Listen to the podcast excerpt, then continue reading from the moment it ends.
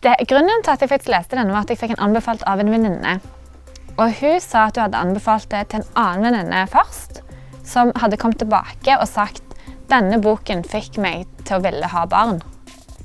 Og så tenkte jeg sånn, oi, det var jo veldig spennende.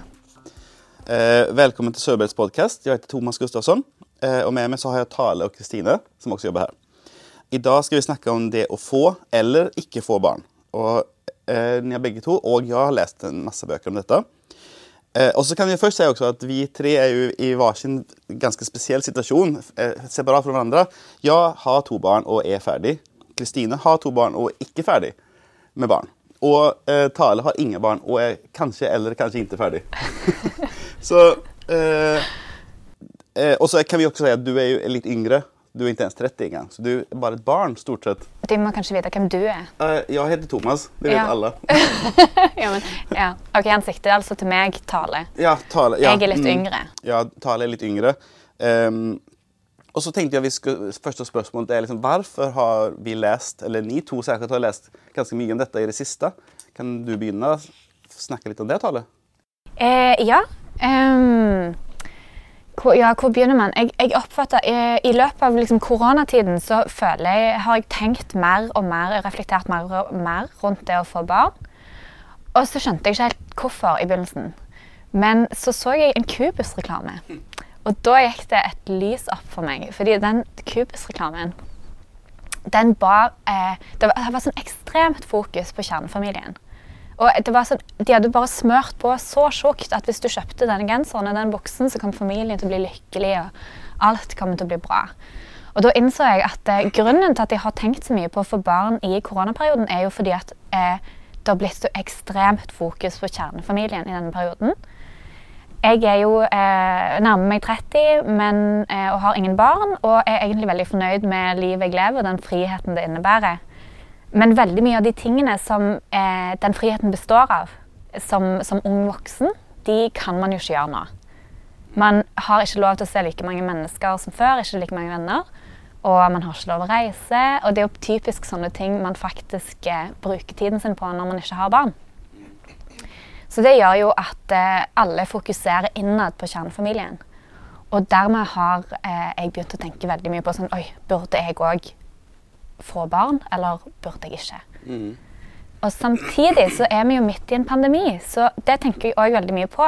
Det, jo, det andre ekstreme er jo Man burde kanskje ikke få barn akkurat nå, eller det er jo kjempeskummelt.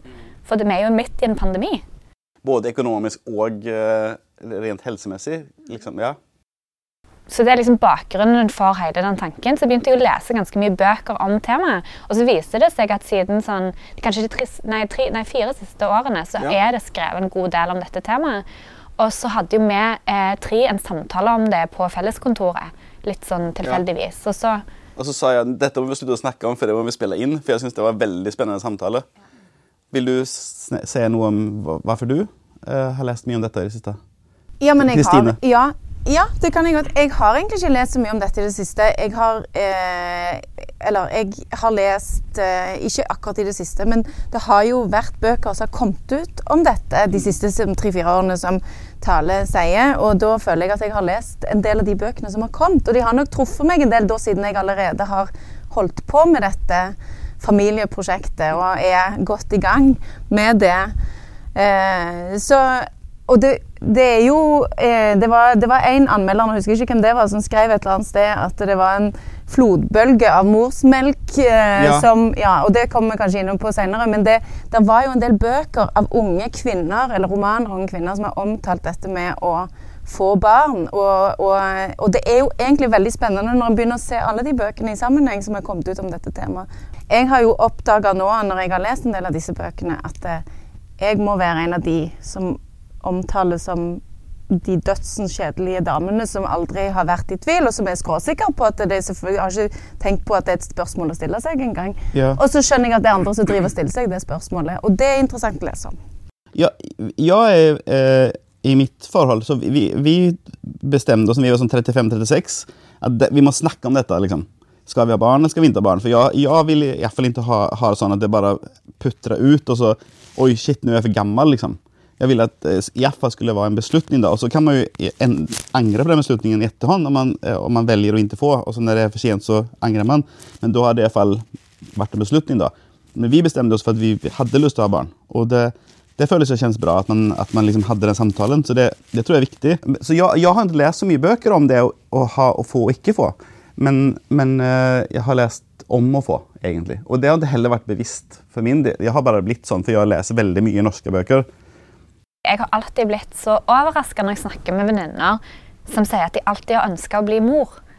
Som fra liksom et tidlig, altså, veldig tidlig i livet har visst det, at det var noe de ønska for seg sjøl. Fordi For meg så er dette 100% forbundet med usikkerhet. Ja. Og det virker som et uoverkommelig valg, og det er jo ingenting som endrer livet mer enn eh, akkurat dette valget. Mm. Og det er interessant, for den, jeg har lest denne 'Velkommen til dyrehagen' av Silje Bekeng Flemmen, som er en veldig fin roman. Og hun jobber, eh, hun jobber i Klassekampen sitt bokmagasin, hun òg. Men hun skriver om sin erfaring med å få barn, og hennes utgangspunkt er på en måte at hun er den dama som aldri skulle ha barn og skulle leve det frie livet. Og, og så møter hun en mann som alltid har visst at han skulle ha barn. Så jeg gjenkjenner jo litt av han i meg, da, han mannen, og ikke egentlig hun. Men hun, litt av henne òg, selvfølgelig. Men, men den er veldig, det er en veldig fin bok. Hun tenker i utgangspunktet at hun aldri eh, skal bli noens mor. Og så plutselig så vil hun det likevel. Og så opplever hun det som et, på en måte, hun det som et, eller hun omtaler det som et biologisk bakholdsangrep. Eh, at hun da vil dette likevel. Eh, og, og, at hun møter den, og grunnen til at hun ender med det, er at hun møter denne mannen som er skråsikker og aldri har tvilt på dette. Og så er det hennes erfaring med å, være, å leve småbarnslivet, og det er veldig gjenkjennelig for mange av de som er i den situasjonen. Og den er, den er en fin, eh, fin bok. Jeg, jeg, tenkte mye på den eh, Karin Haugen og Det golde landet, som jeg òg har lest, som vi kan snakke om tale, for den har jo meg og deg lest.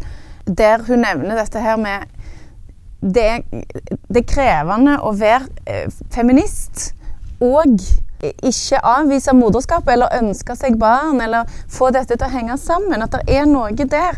Og at kanskje hun Silje eh, altså Hun som er hovedperson i denne 'Velkommen til dyrehagen', da, som ikke heter Silje, det får være men som heter Lisa At hun er på en måte et barn av den, av, av den eh, problemstillingen. Eller den der at hun er en av de unge feministene som som har arva litt den problemstillingen. Om det er sånn, så er det jo ganske teit uh, at hun ikke kunne være både mor og feminist. eller sant?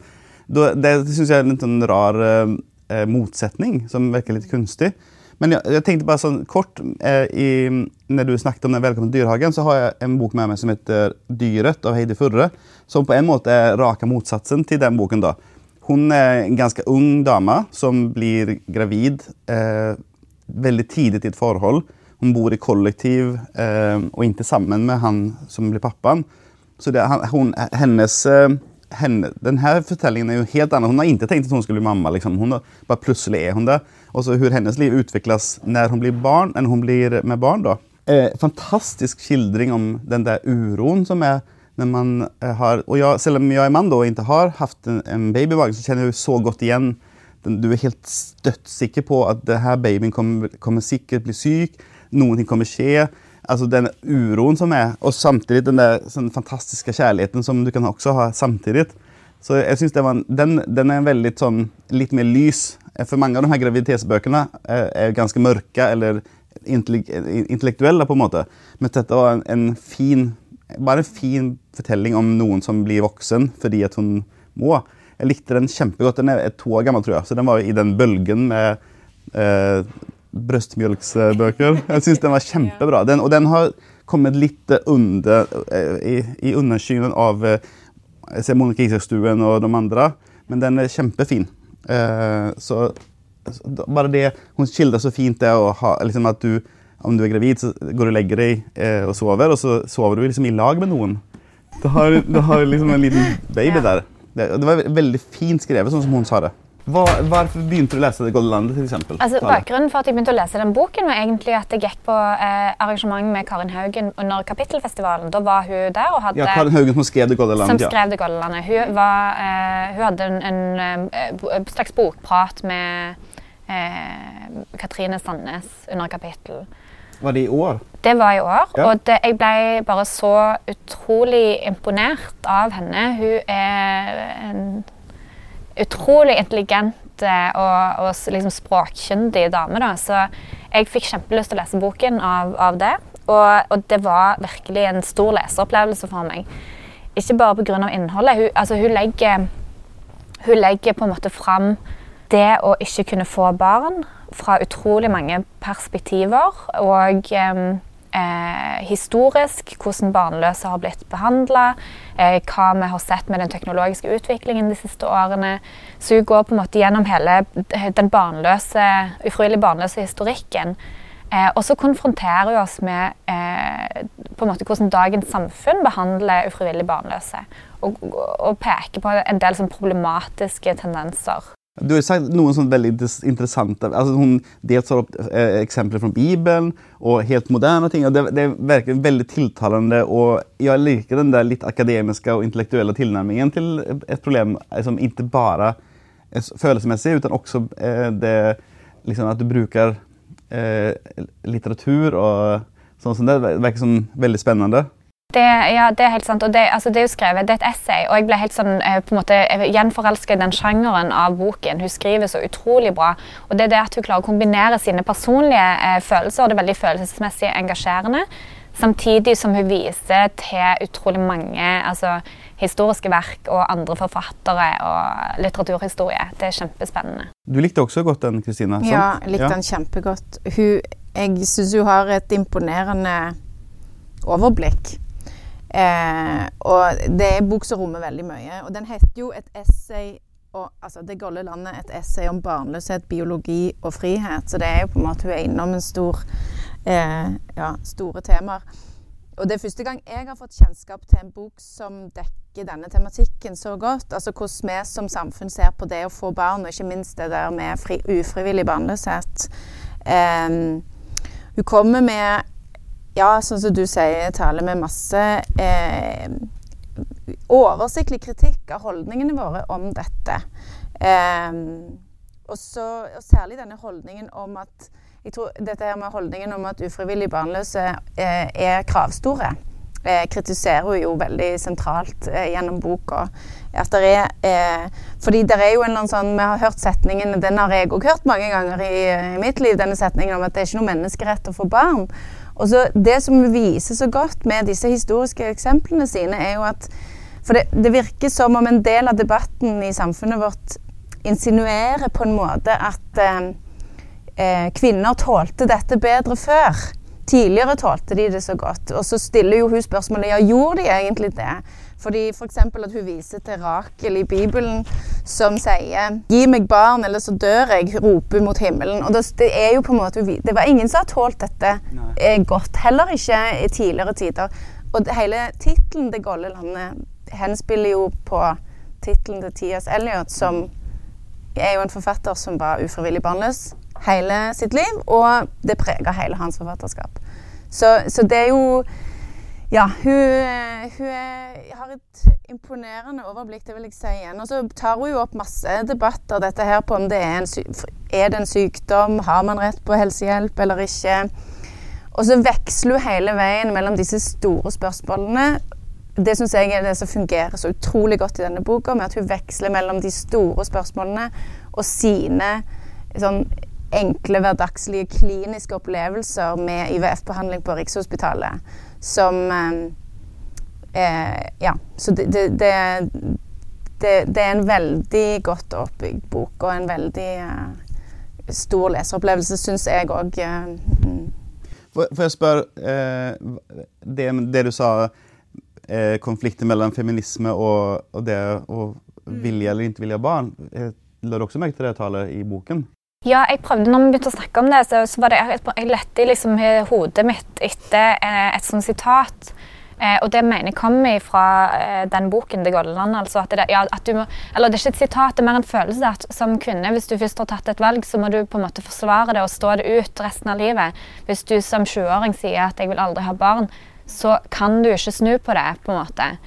Eh, og det føler jeg òg er forbundet med den en, eh, en forventning da, til, til, feminisme, eller hva, hva, er det som egentlig er eh, Ja, hva er det feminisme, eller hva er det på en måte kvinnens rolle skal være? Eh, hvor man ofte på en måte føler at hvis man går inn for at man vil ha noen av disse tradisjonelle familierollene, som er liksom ja, eh, familie på to, og to, eller tre barn, så er man nødt til å gi slipp på noe av sin frihet. Eh, og, og, dermed kan man på, på, en måte ikke kjempe for alle de rettighetene man egentlig vil ha som kvinne. Jeg hadde følt det var omvendt. på en måte, at Om du er feminist, så måtte du skaffe så mange unge som mulig og oppdra nye feminister. så jeg, synes, jeg, for meg er det litt, men jeg forstår det du sier med kjønnsroller, og sånn da, men sånn trenger det ikke være. Jeg har ikke et sånt uh, ekteskap liksom, at, uh, at uh, bare fordi vi har barn, så er min fru en sånn uh, hjemmefru fra 50-tallet. Liksom. Sånn, sånn, sånn, kan man jo ikke leve nå. Men jeg tror hun f.eks. Eh, refererer til Susanne Brøgger, som skrev jo et veldig sånn eh, eh, var det et mani, eller i hvert fall, hun, hun, veldig tydelig, hun gikk veldig tydelig ut på 70-tallet og hånte nærmest kvinner som ønskte seg barn, i en del av sine skrifter. Mens hun i hemmelighet ønsket seg barn sjøl eh, samtidig. Så dette har jo vært en del av på en måte eh, det, det, det, vanskelige spennet som har vært i altså feminismen fra starten av avviste på en måte det, det, er på en måte interessant at det avviste moderskapet som en del av feminismen, fordi at man da bindes fast. Eh, at man ikke kunne inkludere det da. Og, men det som hun, Karin Haugen òg sier her, er jo at eh, jeg syns altså det er interessant at hun sjøl begynner med å si at hun har nølt veldig med å skrive denne boka om kvinnen eh, og kvinnens barnløs, eh, ufrivillig barnløshet. Eh, fordi hvordan skal man som feminist forholde seg til at antallet fruktbare år er begrensa? Det er jo på en måte òg en side av saken. Mm. Um. Og kanskje det er blitt ekstra aktuelt nå fordi at folk oftest ikke lenger skaffer barn når de er 20 år, sant? sånn som det var vanlig før. Men nå så vil folk ofte ha en utdanning og så jobb, og så eh, at man venter mye lengre med å bestemme seg. Og da kanskje det blir et større problem, for det blir jo vanskeligere å bli gravid. Ja, Det er jo det som er litt av måte, bakgrunnen. fordi at det, nå, Når kvinner i større og større grad får høyere utdanning og eh, lever mer som menn alltid har gjort, så begrenser det faktisk fruktbarheten vår. Og det er vanskelig å konfronteres med. fordi for menn, om du eh, ikke begynner å prøve å få barn før du er 40, så gjør det antakeligvis ingen forskjell, men for kvinner gjør det faktisk det. Mm. Så den friheten med å opparbeide oss, den setter begrensninger på eh, på om vi kan få barn eller ikke. Mm. Iallfall til en viss grad. da. Jeg har lyst til å trekke inn den, eh, den befridde familien også, av eh, Josefine Ollevik, eh, som jo går på mye det samme. sant? Og even den her eh, Britt Bildøen, 'Tre veier til havet', som handler om en dame som går bananas fordi at hun aldri hun kommer ikke igjennom. Hun får ikke lov å adoptere. Hun kan ikke få barn, hun får ikke lov å adoptere, for det er alltid noe som er feil hun er for gammel, eller så er hun eh, Det er alltid noe som er galt, og, og, hun får aldri et menneskelig svar. liksom. Så det, det er en sånn ganske etsende kritikk mot måten det er bygd opp på. liksom. Og hun plutselig eh, begynte i tid, men så tok det så lang tid at plutselig var for gammel. Selv om andre i samme alder får, så får ikke hun. sant? Eh, det det syns jeg er en, fantastisk bok. Eh, den er ren skjønnlitterær. da. Men uh, utrolig. Og jo, det har ligget noe personlig bak den. hun som har skrevet den, Britt Bildøen, har jo vært med og dette selv. Og det kjennes når man leser boken. Men, men, jeg har ikke kommet så langt i den, den befridde familien. Eh, tale. Eh, Nei, kan vi blande i, sammen den? Litt sånn. Ja. ja altså, jeg vil jo bare si at Akkurat eh, det refererer jo Karen Haugen til i sin bok òg. At uh, hun beskriver, eller hun, hun, informerer om i den boken at um, man kan ikke stå i adopsjonskø uh, samtidig som man uh, holder på med, prø med prøverør. Prøverørsbehandling. Og da eh, Det gjør jo i praksis at man er nødt til å ta et valg. Man er nødt til å velge en av delene, og man vet at veldig, altså begge delene tar veldig lang tid. Og det er sånn som jeg aldri hadde forholdt meg til, eller aldri tenkt på engang, at det kunne være Så får man ikke prøverørsbehandling over en viss alder. Nå husker ikke jeg hva det er, men det er 30 noe, tror jeg. 38 kanskje. Eh, og så får man heller ikke lov å adoptere over en viss alder. Så alt haster. Så det, det der med at det er så god Det er jo disse begrensningene vi, vi kan kjenne litt på da, som kvinne. Eh, For om du er heldig, så er jo 30, som du sa at hun, hun kom til legen da hun var 31 år. Ja. Og om man er heldig når man er 30 år, så er man jo ung og har god tid til å skaffe barn. Men om, du, om det er noe som ikke funker på veien, så plutselig så har du dårlig tid. ja. Og det vet man ikke, liksom. Men eh, Josefine Ollevik, Den befridde familien ehm, Det er et par år siden jeg leste denne første gangen, og nå har jeg eh, bladd litt gjennom den igjen, og så tenkte jeg sånn åh, denne boken var kjempeinteressant. Det er akkurat som jeg aldri har lest den før. Men jeg syns Olevik gjør veldig mye av det samme som Karin Haugen gjør. ehm, eh, eller det er en slags folkeopplysning de begge driver med, men Josefin Olevik er vel svensk? Så hun skriver det jo fra et svensk perspektiv og på en måte regelverket i, i det landet. Men eh, så eh, Josefin Olvik har iallfall fått eh, barn på egen hånd da skulle jeg si, ved hjelp av Storkenklinikken.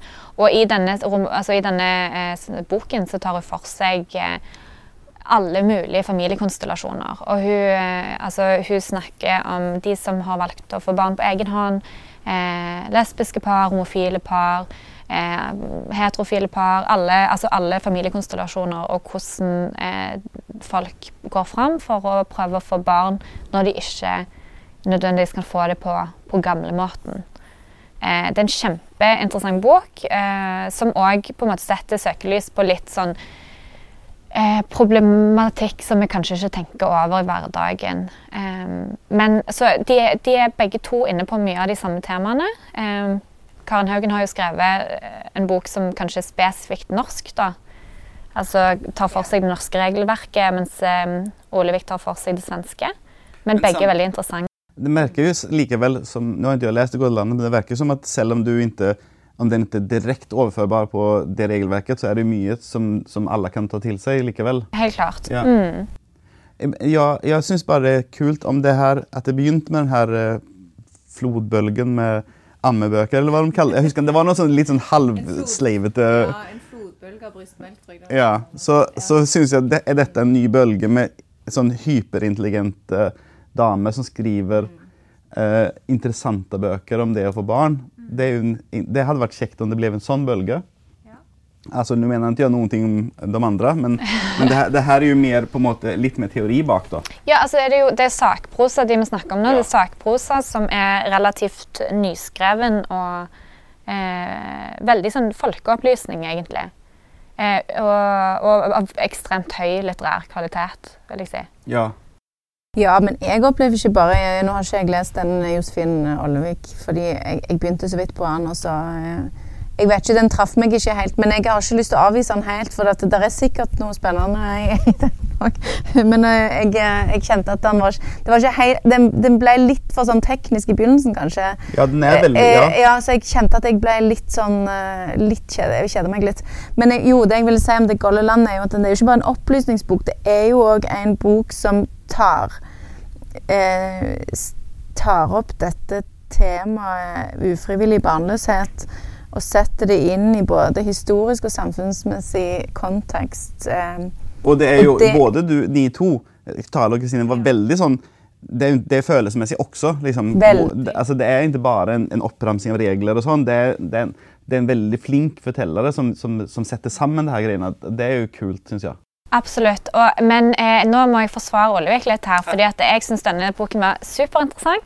Eh, og hun òg eh, skriver godt, selv om eh, hun ikke skriver et eh, personlig essay på samme måte. Ehm, men det er jo òg interessant altså, Hva er grunnen til at jeg fant Den befridde familien så interessant? Er, er det fordi jeg sjøl eh, syns alle familiekonstellasjoner er så interessante fordi jeg ikke har noen av de tradisjonelle. Jeg har ingen barn, og ingen, ingenting av dette føles relevant for mitt liv uansett. Men eh, Ja, det er vanskelig å si. Den, jeg, vil i fall, jeg vil på det sterkeste anbefale den boken. Selv om dere Sitter det på grunn av at uh, familien ikke lenger trenger å være mamma og pappa barn? Liksom, Ja. sant? At det Mm. kan være alle mulige ting? Ja, og den handler jo på en måte om Den handler om mer enn ufrivillig barnløshet. på en måte. Den handler jo kanskje mest, på forskjell, mest om forskjellige familiekonstellasjoner heller Mm. enn det, det, som jo er et mer Ja. sårt tema. på en måte. Siden vi var inne på det med, med den eh, varierte familien, så har eh, Maggie Nelson skrevet en bok som heter 'Argonauterna'. The Orgonauts. The Orgonauts, ja. Eh, hva, hva, har du lest den, Kristine? Nei. Hva sier du, Mag, eh, Maggie? Hva sier? Tale? Det er igjen en av de virkelig store leseropplevelsene jeg har hatt em, i år. Det, grunnen til at jeg faktisk leste den, var at jeg fikk en anbefalt av en venninne. Og hun sa at hun hadde anbefalt det til en annen venninne først, som hadde kommet tilbake og sagt denne boken fikk meg til å ville ha barn. Og så tenkte jeg sånn, oi, det var jo veldig spennende. Det var jo en interessant reklame for en bok. Veldig god reklame. Ja. Eller dårlig. Ja. Så da begynte jeg å lese den. Og den handler òg om Det er på en måte nesten en krysning av Det golde landet og eh, Den befridde familien, da. Fordi den handler om eh, Den befridde familien. Eh, en helt eh, ulik familiekonstellasjon. Eh, Men det, skri, Maggie Nelson skriver på samme måte som Karen Haugen. Altså, hun trekker inn filosofer og eh, setter alt inn i historisk kontekst. Altså, det er skrevet på en sånn måte at man, man lærer utrolig mye. Av, Og den er utrolig personlig. og den er utrolig personlig. ja. Så Det er liksom de fellestrekkene en har med Karen Haugens bok. og eh, Det er egentlig en slags eh, eh, familieberetning om Maggie Nelson og hennes eh, kjæreste og etter hvert eh, ektefelle. Sitt kjærlighetsliv og hvordan måte de valgte å få barn sammen. Eh, og noe som er litt, eh, man si, litt utenfor normalen, er jo at dette er jo en, på en måte en, skjev, en bok som går inn under skeiv litteratur, for Maggie Nelson sin ektemann er trans. Så de har jo òg på en måte gått alternative veier for å få et barn sammen. Og midt oppi det hele, mens Maggie går gravid med sønnen deres, så er Harry i, eh, i Hva skal man si transformasjon, han Til òg. å, å bli mann. Til å bli mann, ja. Så det er en, en utrolig spennende og nydelig fortelling, egentlig. Hun også er sånn helt ekstremt intelligent. Ja. Det skinner gjennom hele teksten. Mm. Det er også veldig sånn fascinerende når du leser noe eh, av noen som er skrevet på sånn måte at du blir liksom litt stum av beundring bare av den intelligensen som, som er i teksten, syns jeg.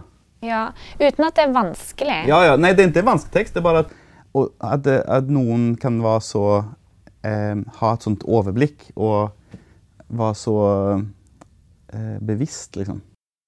Jeg ville kalt dette en såkalt read-alike til Det golde landet, selv om de har forskjellig tematikk. Ja, men er, det, men er ikke dette en roman? Jo. Nei, det er oh, ja, sakprosa. Jeg, Ja. den, jeg visste ikke om det, så jeg leste den bare som en roman. Men eh, Ja. eh, jeg hørte den faktisk på lydbok, for vi hadde ikke den på engelsk på biblioteket. Eh, så jeg visste ikke hva det var. Jeg bare leste den fordi jeg leste den, tror jeg. Og den var Ja. Men det er jo veldig fint med eh, Altså, det er Jeg må jo si at jeg setter stor pris på at det er kommet så mye bøker nå som viser variasjoner både i familier og familiekonstellasjoner, og, og, og viser mennesker at det er ulike måter å gjøre ting på. Det har vi jo Det har vi jo bruk på. For Eh, Kristine, ja, jeg kan si litt om rase. ja, av Monica Isakstuen. Av Monica Isakstuen. Og det er en roman. Eh, og det er en roman om eh, morskap. Altså den, den, alle de andre bøkene har på en måte handlet mest om, om det å få eller ikke få, sånn, men her har jo barnen kommet. her har barna allerede kommet, og eh, det handler om ei mor, eh, eller kvinne, som er mor med tre barn. Ei jente og tvillinggutter, eh, og de er vel alle under seks eller syv år eller noe sånt. Og som en får ganske tidlig inntrykk av at hun er ganske mye alene sammen med. Eh, hun har fått i to forhold. Det ene valgte hun å gå fra, og det andre havarerte litt som et resultat av mye kaos, vil jeg beskrive det som. Eh, og når jeg først leste denne boka be- Jeg begynte på den én gang, og så måtte jeg legge den fra meg, for jeg ble ganske provosert. Og rett og slett så var det ganske smertefullt og vondt å lese. Mm, den er det. Ja, den er det. Ehm, og, jeg, og så tror jeg òg at jeg ble litt sånn frust... Eh, nei, jeg ble litt provosert av at hun Jeg leste det som da som at hun på en måte prøver å alminneliggjøre at når man får barn, så blir det sånn. da blir det kjefting og smelling og tramping, og, og man fantaserer om alt man skal gjøre med sine barn. og man, ja, er, eh, det, det, er ganske, det er ganske voldsomt, og ganske voldsomme scener eh, innimellom. Mm. Men så, eh, jeg, så tok jeg en pause, så begynte jeg å lese den igjen. En scene som aldri noensinne kan glemmes om man har lest den, er når hun skal liksom disiplinere sin unge, da, og så setter inn ungen inne på sitt soverom, og så skal hun stenge døren. Og så, og så setter ungen handen imellom døren og dørkarmen, og det ser ikke hun. Så hun un- drar alt hun kan og forstår ikke hvorfor hun ikke får igjen døren. Liksom. Så er det fordi ungen har jo handen imellom. Og det gjorde hun jo ikke med vilje. Eh, men den scenen, alles foreldres sk skrekk er at ungene skal klemme seg. Liksom. Så den, den scenen sitter i mitt hode. Og det er jo flere år siden jeg leste den boken, men den tenker jeg på ofte. Men det gjør faktisk jeg òg. Akkurat den scenen gjorde veldig inntrykk på meg Ja. Eh, og og den, det som er, eh, det, altså hun skriver, Boka er jo kjempegodt skrevet. Og hun skre, skriver jo boka i en jeg-form, sånn at vi, vi får på en måte både med oss hennes indre og de ytre, ytre hendelsene. Eh, og jeg opplever jo absolutt at hennes intensjoner aldri er å kjefte og smelle og riste i barna sine. Hun gjør jo det òg. Men, men til stor del så er det eh, at hun er redd for å gjøre det, og så gjør hun noe, men det, det, Ja, det hadde- men hun gjør det òg. Ja. Ja. Men, men der Ungene nok snakker om hvorfor mamma er så sint. Ja. så det er ikke bare i hennes hode heller. som og så er det ganske Jeg opplever også å lese denne boka er litt sånn, du vet, sånn ukomfortabelt det er å være til stede når et par krangler, og så er du i samme rom. At du, eller, eller at noen kjefter på ungene sine, og du er i samme rom. Det er hele bo, eller Store deler av boka er på en måte å være eh, Tilskuere Å til være eller- tilskuer, ja. og være i det rommet Mm. mens dette foregår. Ehm, så Men jeg, jeg har lest den. Jeg tok den opp igjen og leste den ut, og jeg likte den jo kjempegodt, men uh, den er vond å lese. Ja. For jeg, jeg, likt, jeg liker ikke den ideen at uh, hvis du får barn, så er det sånn sinne som blomstrer i oss, og så klarer vi ikke å styre oss lenger som mennesker. Den, den, den er jeg ikke med på. Men jeg syns ikke at hun gjør det da. Eller men, inte nå. Alltså inte när du lest hele boken, syns du fortfarande det? Ja, jeg syns egentlig det. Jeg, jag, jeg, tror at vi har lest den på, anna, på forskjellig måte, du og jeg, Kristine. For jeg, Ja. jeg, jeg tenker at det er mer sånn at hun er redd for at noe skal skje. Og at, som jeg husker det, så lysner det i slutten. Ja, det gjør kanskje det. Og det kan være at jeg skal jo gå litt i meg sjøl òg her. For det, det kan jo være at en del av disse hverdagssituasjonene er, det er litt for nært. Eh, og at det er litt for sånn eh, tett på, som gjør at det gjør ekstra vondt å lese den. Eh, eh, mm. Men eh, er det sånn at dere på en måte opplever at framstillinga av å ha barn er på en måte begrensende i den boken?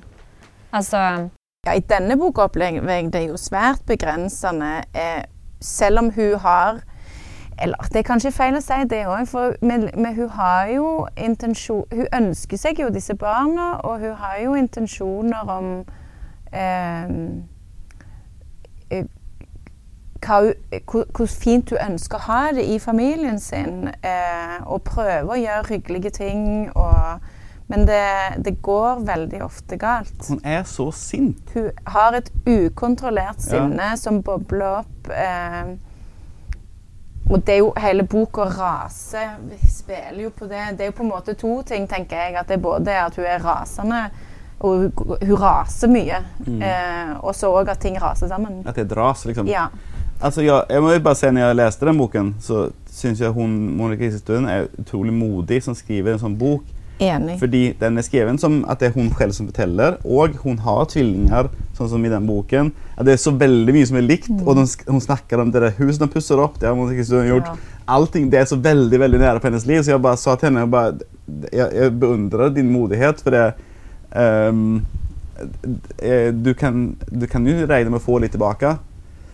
Og så syns jeg den er veldig effektivt skreven. på en måte, for hun, hun har sånn, I hennes bøker er det ofte sånn at eh, det er et avsnitt som varer bare en, en rad, eksempel. Og, så er og den, det er en tekst som står for seg selv. Mm.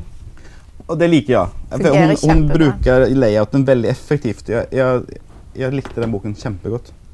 Ja, den er, den er god, men den gjør inntrykk. Ja. Eh, kan, jeg, kan jeg lese en lit, et lite sitat her, for det, Ja. det beskriver boka egentlig ganske godt.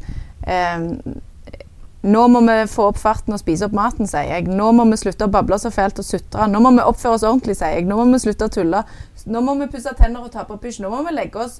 Nå må vi være stille så hodet til mamma ikke eksploderer. Mamma blir gal. Nå må vi passe på at vi ikke blir gående rundt og kjefte på de hele tida, sier du. Den er jo ganske sånn eh, Beskriver boka godt, syns ja. jeg. Og mannen er jo frustrerende rolig hele veien. Og melder seg litt ut. Ja. ja. Men det forstår man jo litt også, siden hun er så veldig på. Ja, Men, hun- men han er jo liksom veldig sånn Han er sånn posterboy for Valium, liksom. Så den siste boken vi kan snakke om, er den 'Aldri, aldri, aldri' av Linn Strømsborg. Ja. Eh, som er liksom sånn den, den siste Vi snakket om noen der du er på vei til å få barn og har fått barn, og her er noen som har bestemt seg for at hun ikke vil ha barn. Eh, Og som hva- alltid har visst at hun ikke vil ha barn. ja. Eh, og, og at jeg, jeg, jeg leste boka litt som en sånn forsvarstale for de som ikke ønsker seg barn. For I eh, Det gølde landet så peker jo Karin Haugen på eh, de som er frivillig barnløse. Og at de ofte må stå i mange av de samme tingene som de ufrivillig sant. barnløse. Det er. Det er, ikke det er ikke et uproblematisk valg å ta i dagens samfunn. Du må forsvare deg ganske hardt mot det. Og folk Ja. sier alltid sånn Men bare vent. Du kommer til å angre Du deg. kommer til å angre deg, eller du kommer Eller du til å endre mening. ville, eller du Ja. kommer til å angre deg. Og jeg forstår det. Jeg forstår faktisk det. Jeg, eh, eh, det standpunktet. For det er, det er uansett hvordan du ser på det, tror jeg vi kan oppsummere at det er et ganske stort press på kvinner spesielt eh, om eh, fertiliteten deres.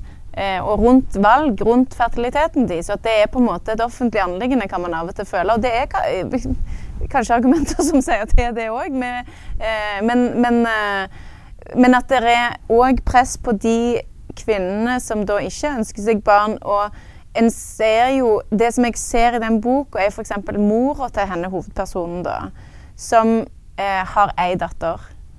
Og så har hun valgt å få ei datter, og så vil denne dattera eh, ikke ha barn. Og hvor stor sorg det er for den mora. For da slutter jo på en måte hva, Da er det jo ikke noe mer familie der. Da skal det være bare de to fordi faren Jeg husker ikke helt hvordan det var, men faren er fraskilt eller ja. Eh, så det har jo noen Det, det, det er interessant, syns jeg, at det har, det har noen effekter for andre, Ja. selv om ikke det er deres valg. Men det er interessant at eh, kvinner på begge sider blir begge to kalt eg egoister. Ja, ja. Både de som velger og de som veldig, veldig, veldig gjerne vil ha barn og går langt for å få barn, og de som sier at de ikke vil ha. Så på begge to blir kalt eh, egoister av Ja. diverse Og det syns jeg òg er interessant. Og jeg har aldri forstått det der standpunktet med at kvinner som ikke ønsker barn, er egoister. For jeg forstår ikke helt hvorfor, hvorfor det er egoistisk. Eh, Nei. det er jo mye mer egoistisk å ønske seg barn, på en måte. For det er jo noe man ønsker seg for seg sjøl. Mange i hvert fall gjør Ja. jo det. Um, Jeg syns ikke det har med egoisme å gjøre. For Nei, det syns ikke jeg heller, egentlig. Men jeg forstår bare ikke helt uh, argumentet, i hvert fall med at kvinner som ikke ønsker seg barn. Mm. Men eh, jeg føler at eh, kanskje summen av disse bøkene må jo være at eh, eh, kvinnen må være sjef over sin egen kropp, og at du ikke skal spørre, ikke på julebordet eller ikke generelt, hvor tid skal du få barn, eller sier til folk at du kommer til å endre mening.